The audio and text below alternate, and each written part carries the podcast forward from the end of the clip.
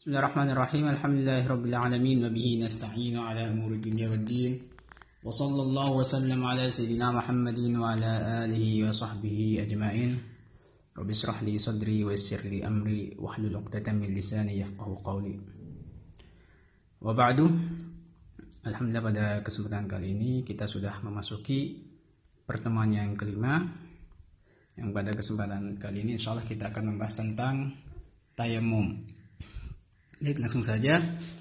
Bismillahirrahmanirrahim. Qala al-musannif faslun أسباب التيمم ثلاثة فقد الماء والمرض والاحتياج إليه لعطش حيوان محترم وغير المحترم ستة تارك الصلاة والزاني المحصن والمرتد والكافر الحربي والكلب العقور والخنزير Faslun pasal. Asbabut tayammumi thalathatun. Sebab-sebab diperkenankannya untuk melakukan tayamum itu ada tiga. Yang pertama Faqdul ma'i Tidak adanya air Atau tidak menemukan air. Yang kedua Wal maradu yaitu sakit. Sakit yang sekiranya kalau menggunakan air Malah tambah parah Atau tambah lama sembuhnya dan lain sebagainya. Nanti akan ada tafsirnya akan ada detailnya. Wal ihtiyaju ilaihi li atashi hayawanin muhtaramin. Wal ihtiyaju dan membutuhkan ilaihi kepada air li atashi hayawanin muhtaram. Karena kebutuhan uh, minuman untuk binatang yang uh, terhormat. Wa ghairul muhtarami sittatun. Sedangkan binatang yang tidak terhormat itu ada enam tarikus solati yaitu orang yang meninggalkan solat itu termasuk uh, hewan yang tidak terhormat. Kenapa dikatakan hewan? Karena pada dasarnya manusia dan hewan ini sebagaimana disebutkan oleh ahli mantek bahwasanya adalah makhluk yang mempunyai jasad dan berkembang jismun nami mutaharrik bi yang bergerak dengan kemauannya sendiri, beda halnya dengan tumbuhan. Atau sebagian menyebutkan mahalat fil hayah itu disebut hayawan sesuatu yang mempunyai kehidupan dengan bernafas, makan dan tumbuh berkembang itu disebut disebut hayawan. Hanya saja bedanya antara binatang dengan manusia, manusia mempunyai akal. Ughairul muhtamis sitatun tarikus salati yang pertama adalah orang meninggalkan salat, wazanil muhson yang kedua adalah uh, pezina yang muhson. Yang muhson itu yang sudah menikah dan sudah pernah melakukan hubungan dalam pernikahan yang sah. Wal murtadu yang ketiga adalah orang murtad. Wal kafirul harbiyu yang keempat adalah kafir harbi yaitu kafir yang memerangi kaum muslimin. Wal kalbul akur dan anjing yang galak. Uh, wal khinzir dan yang keenam adalah babi. Jadi pada pembahasan kali ini Musonif menyebutkan tentang sebab-sebab diperkenankannya untuk melakukan tayamum ketika seseorang tidak menemukan air untuk melakukan taharah baik itu wudhu maupun mandi wajib. Tayamum pada dasarnya eh, secara bahasa artinya adalah al-qasdu yaitu berniat atau bermaksud. Sedangkan secara definisi tayamum itu menyampaikan e, tanah ke wajah dan tangan dengan niat yang khusus dan syarat-syarat yang khusus. Tayamum ini merupakan salah satu kekhususan umat Islam. Sebagaimana disebutkan oleh Nabi Muhammad SAW ju'ilat liyal ardu masjidan wa turbatuha tahuran uh, telah dijadikan untukku tanah sebagai masjid. Dalam artian kita bisa melakukan sholat di semua tempat yang ada di bumi ini. Tidak harus uh, di dalam masjid saja. Wa turbatuha dan dijadikan tanahnya tahuran sebagai alat untuk bersuci. Sedangkan dalil asalnya dari Al-Qur'an adalah firman Allah SWT, A'udzubillahi minasyaitonir rajim. Wa in kuntum marda wa ala safarin aw jaa ahadun minkum minal ghaiti aw lamastumun nisaa falam tajidu ma'an fatayammamu sa'idan tayyiba famsahu biwujuhikum wa aydikum minhu. Wa in kuntum marda apabila kalian sedang sakit aw ala safarin atau dalam perjalanan aw jaa ahadun minkum minal ghait atau uh, salah seorang di antara kalian baru selesai mengkodak hajatnya dan tanda kutip BAB Aula mastumun nisa ataupun menyentuh wanita falam tajidu ma'an lantas kalian tidak menemukan air fatayammamu soidan maka bertayamumlah dengan tanah atau dengan debu thayyiban yang suci famsahu biwujuhikum kemudian usaplah uh, wajah kalian wa minhu dan kedua tangan kalian minhu dari tanah tersebut. Sedangkan sebab turunnya ayat ini disebutkan dalam hadis bahwasanya Sayyidina Aisyah suatu ketika dalam perjalanan di perang Bani Mustalik pada tahun 6 Hijriah beliau ikut keluar bersama Nabi kemudian Sayyidah Aisyah itu kehilangan kalungnya sedangkan mereka tidak mempunyai air sedangkan lantas saat itu orang-orang sibuk mencari kalung Sayyidah Aisyah yang hilang.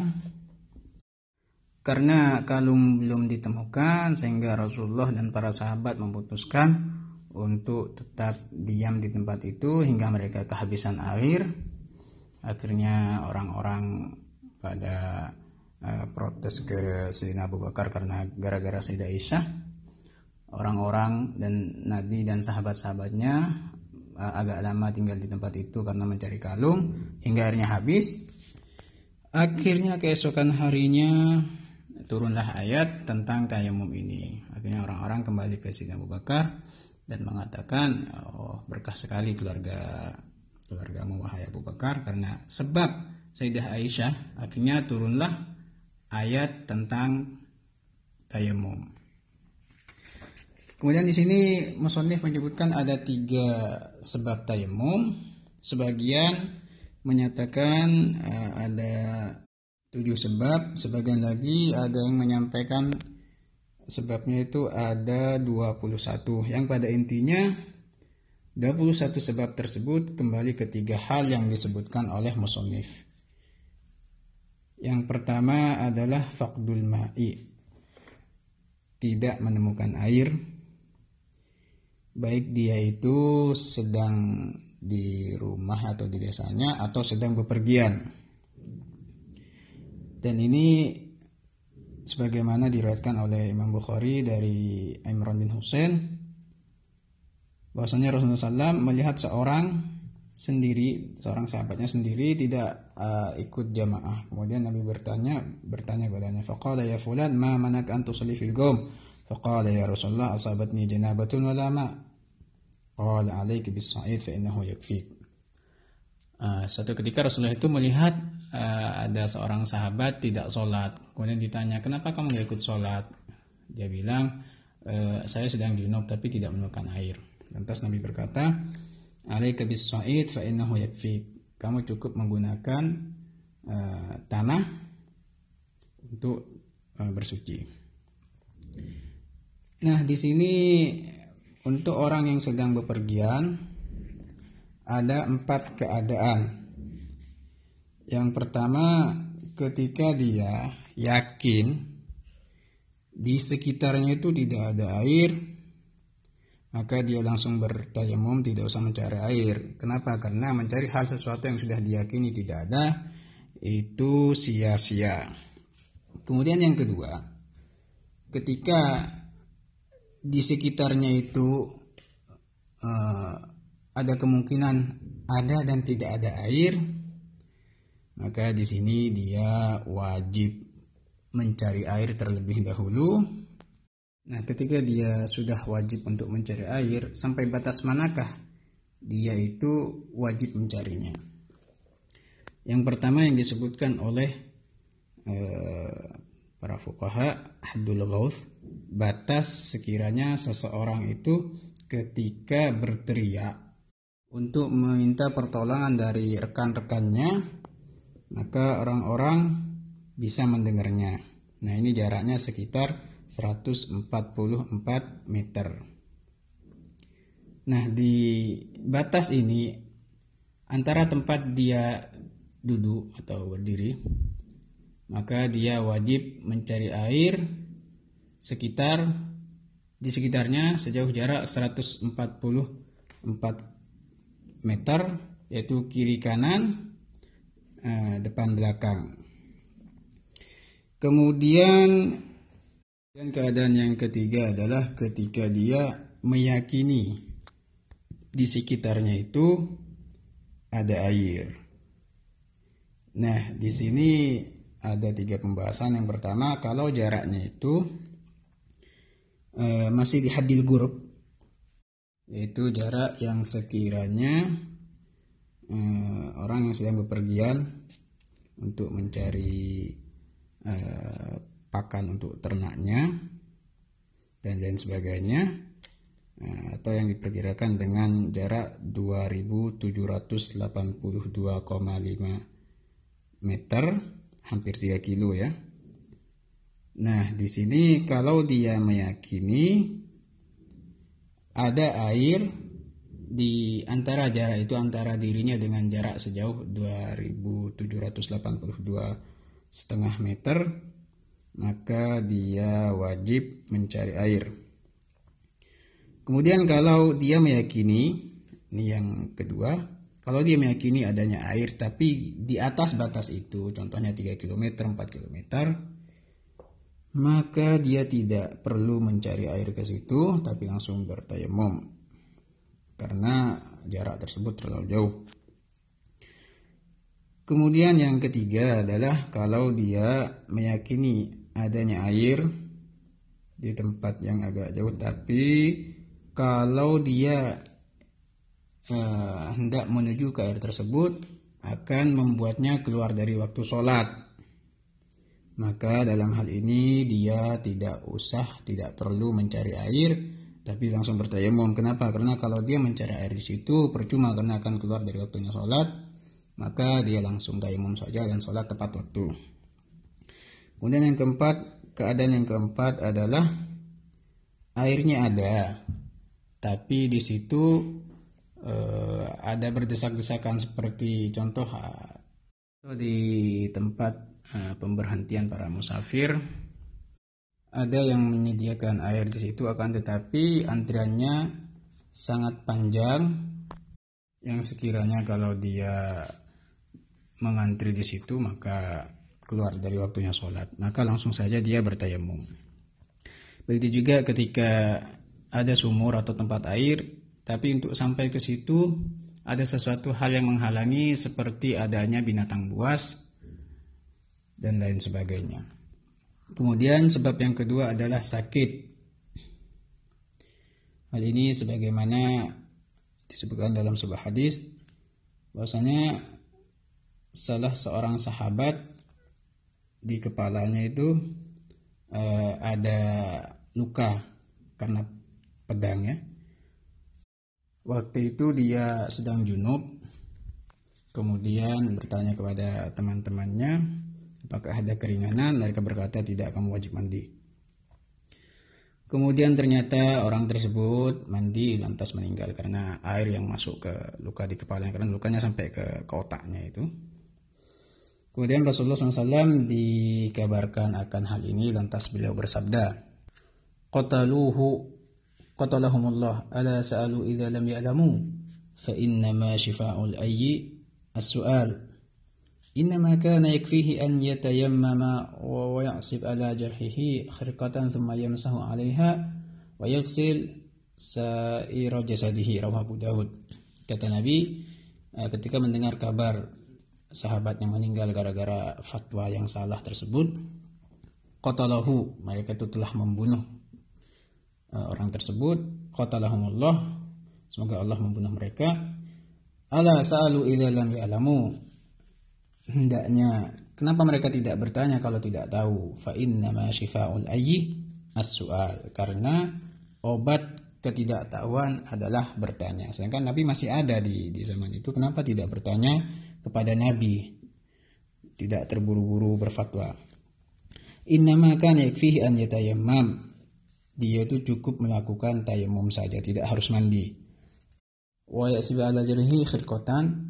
Ah, kemudian menutup lukanya dengan kain atau diperban thumma yamsahu 'alaiha dan mengusap perban tersebut dengan air wa yaghsilu sa'ir jasadihi dan uh, membasuh semua anggota, tubuhnya selain yang diperban tersebut. Hadis riwayat Abu Dawud. Jadi dalam hadis ini disebutkan kalau ada orang punya luka atau sakit atau punya perban di situ maka tidak wajib, tidak harus mandi sekujur badan. Dalam artian lukanya tidak harus disiram juga terlebih kalau lukanya itu di kepala yang bisa menyebabkan sangat fatal maka cukup dia menutup lukanya dengan perban mandi dengan biasa eh, sekujur tubuh kecuali tempat lukanya tadi itu maka perbannya cukup diusap pakai air lantas bertayamum atau tayamum terlebih dahulu lantas mandi Nah, di sini masalah sakit uh, ada beberapa jenis. Ada tiga jenis sakit. Yang pertama kalau menggunakan air, sekiranya sakitnya itu bisa menyebabkan dia itu meninggal atau menyebabkan salah satu anggota badannya itu rusak seperti buta atau Eh, manfaatnya itu tidak bisa digunakan lagi seperti tangannya malah lumpuh kalau pakai air maka dalam hal ini dia diperkenankan kemudian yang kedua yaitu sakit yang sekiranya kalau dia menggunakan air eh, sakitnya tambah parah atau tambah lama eh, sembuhnya atau ada perubahan pada anggota yang luar seperti wajah dan tangan, perubahan warna kulit yang sekiranya itu membuat penampilannya tambah buruk, maka di sini juga boleh untuk bertayamum. Sedangkan yang ketiga adalah sakit yang ketika menggunakan air eh, perubahan belang dan sejenisnya pada kulit itu hanya sedikit terlebih kalau perubahannya itu di dalam di anggota yang tidak nampak maka di sini tidak diperkenankan seperti halnya sakit juga disebutkan di sini adalah tayamum karena air yang sangat dingin yang jika menggunakan air tersebut justru akan membuatnya celaka atau membuatnya sakit. Ya, ini sebagaimana dilakukan oleh Umar bin As Suatu ketika beliau ihtilam di malam yang sangat dingin, lantas beliau bertayamum dari jenabahnya. Nah, kemudian Nabi mengakui atau memperkenalkan hal tersebut. Untuk permasalahan perban, kalau sekiranya perbannya bisa dibuka dan air tidak membahayakan lukanya, maka seharusnya dia membuka perbannya dan wudhu atau mandi secara normal. Akan tetapi ketika perbannya tidak diperkenankan untuk dibuka, maka di sini ada beberapa hal yang perlu diperhatikan. Uh, yang pertama dia itu wajib membasuh semua anggota uh, selain tempat perban tersebut, kemudian mengusap perbannya dan bertayamum setelah itu. Tapi sini ada perbedaan antara mandi dan wudhu. Kalau di mandi, dia boleh mendahulukan tayamum terlebih dahulu atau mandi terlebih dahulu baru tayamum. Sedangkan dalam wudhu, maka di sini ada yang namanya tartib. Contoh dia punya perban di tangan, maka dia tidak boleh tayamum kecuali sudah sampai di tangan. Jadi basuh muka, baru basuh tangan dan tayamum atau tayamum baru uh, basuh uh, baru basuh tangan. Jadi harus ada tertib di sini. Nah, akan tetapi di sini uh, masalah tayamum karena adanya perban. Di sini ada beberapa hal yang perlu diperhatikan. Ada sebagian keadaan itu dia wajib mengulang sholatnya dan artian wajib mengkodok dan ada beberapa yang tidak wajib mengkodok. Yang pertama kalau uh, perbannya itu berada di anggota tayamum yaitu wajah dan tangan maka di sini wajib mengkodok sholatnya ini yang pertama eh, kemudian yang kedua kalau perbannya bukan di anggota tayamum ini perban tidak harus besar ya meskipun seperti hansap plus itu juga sama karena menghalangi air untuk masuk ke kulit untuk menyentuh kulit.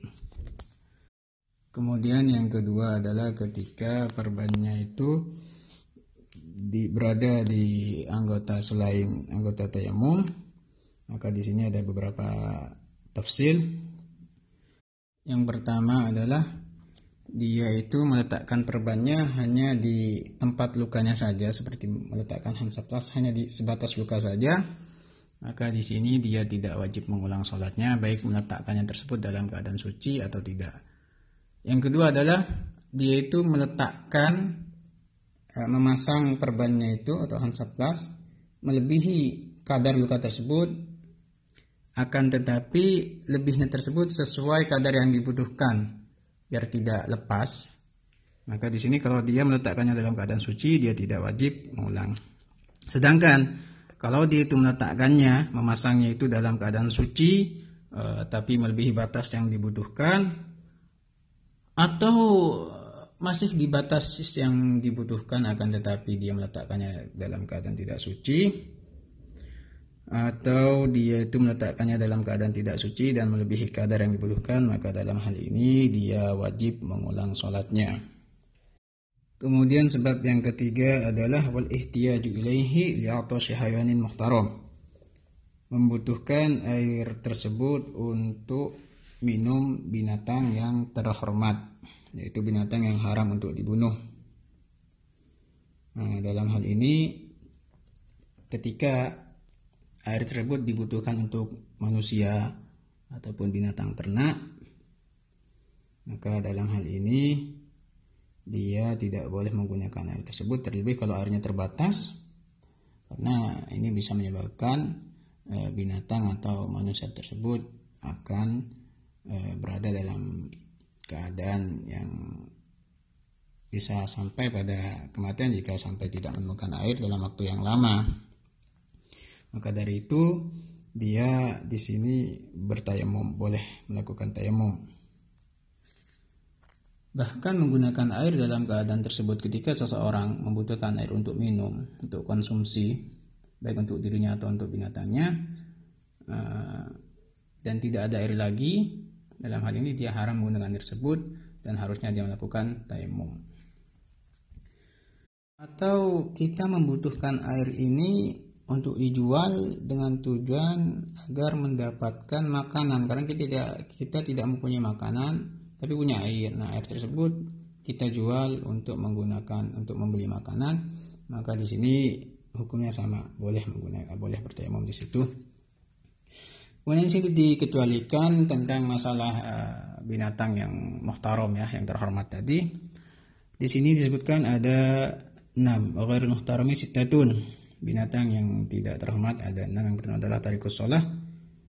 Orang yang meninggalkan sholat di sini ada dua jenisnya. Yang pertama adalah meninggalkannya karena mengingkari kewajiban sholat. Dalam hal ini dia hukumnya adalah kafir kalau uh, jadi statusnya adalah murtad dan yang kedua adalah orang yang meninggalkan sholat karena malas-malasan dalam hal ini dia tidak menjadi kafir kemudian yang kedua adalah pezina muhson ya, dengan syarat yaitu orang tersebut sudah balik berakal merdeka dan pernah melakukan hubungan badan dalam pernikahan yang sah. Jadi ketika seseorang memenuhi syarat tersebut lantas berzina maka dia itu disebut zina muhson yang hukumannya adalah rojem sampai meninggal, dirajam dengan batu.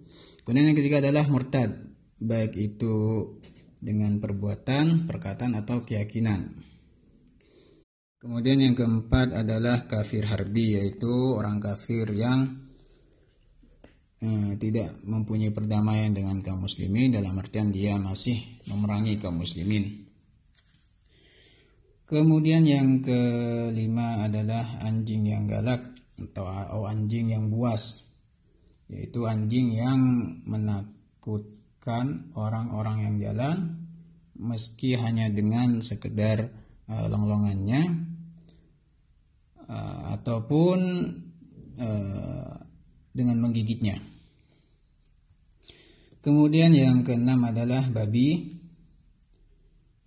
Dalam hal ini enam hal tersebut mulai dari uh, orang meninggalkan sholat, zina muhson, orang murtad, kafir harbi, uh, anjing yang buas atau galak dan babi. Kalau kita punya air, Eh, maka hendaknya kita gunakan hmm, jangan kita kasih mereka kita pakai untuk taharah saja jadi seperti itu jadi tidak diperkenankan tayamum karena memberikan air tersebut untuk enam binatang tadi.